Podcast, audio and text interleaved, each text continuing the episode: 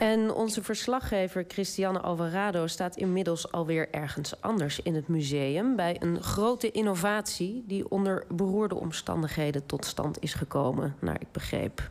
Ja, dus vat je het eigenlijk al goed samen, Laura. We staan op de zolder van het Boerhavenmuseum bij een apparaat dat als ik niet zou weten wat het was, dan zou ik denken: dit is een soort prototype van een wasmachine. Het is een soort badje met een cilinder erop. En nou ja, ik zie allemaal motoren eraan vast.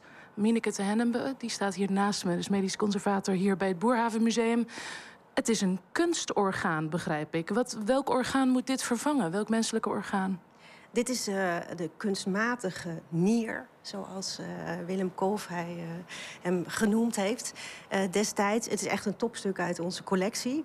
En inderdaad lijkt het wel een beetje op een wasmachine. Want het was ook het idee dat het, het, het bloed ging wassen. dus dat dit apparaat werd aangesloten op een patiënt. Als je dat ziet, dat kan je je haast niet voorstellen. Want het is nogal imposant en, en open, zeg maar. Het voelt heel... Uh...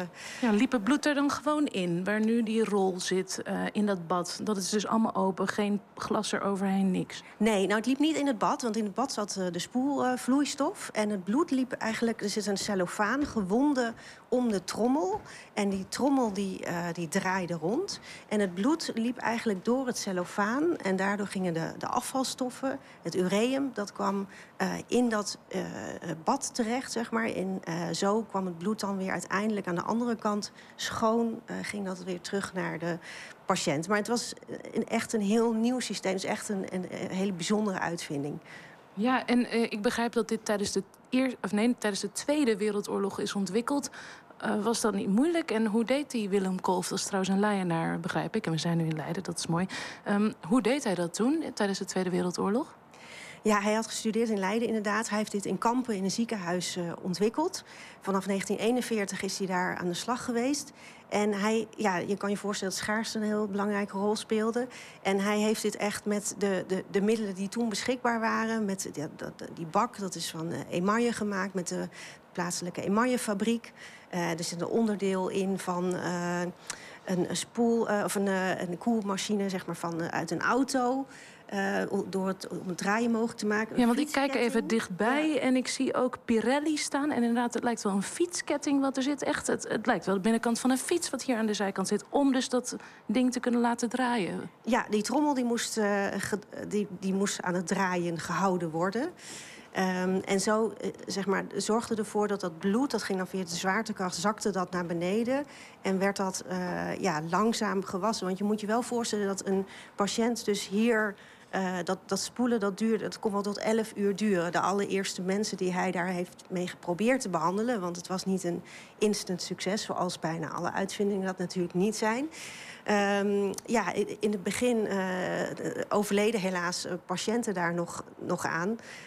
Um, omdat er wel iets, iets misging. Want of, of de slang raakte los. Of het, het, bleek toch dat er iets met steriliteit niet goed zat. Of nee, er kon, er kon eigenlijk van alles wel met elk onderdeel misgaan. Maar uiteindelijk heeft hij gelukkig is, heeft hij daar iemand mee echt het leven kunnen redden. En als dat werkt, stel je voor niks raakt los. Dit is een enorm gevaarte. Sleurde die persoon dat dan mee? Ik zie er wel wieltjes onder zitten, maar toch lijkt me niet ja, lijkt me niet makkelijk om mee te sleuren. Nee, die persoon die was erg ziek. Dus die lag in bed. En uh, dat bed uh, zeg maar, die werd dan aangesloten via de, de bloedvaten op, op de kunstnier die daar naast dat bed stond. Dus op die manier konden patiënten mee behandeld worden die bijvoorbeeld een nierontsteking had.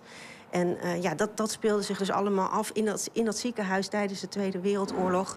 En Kolf die wilde dit ook uh, eigenlijk uh, ja, niet openbaar maken en voor zichzelf houden... zodat de Duitse bezetter daar niet van kon profiteren. Dus het ging ook nog deels in het geheim eigenlijk. Dat die patiënten daar naartoe werden gehaald om hem te laten lopen. Dus zo heeft dat een aantal jaren eigenlijk uh, ja, tot, tot eigenlijk in 1945 na de bevrijding... voor het eerst is gelukt om iemand daar echt van te genezen met dit apparaat.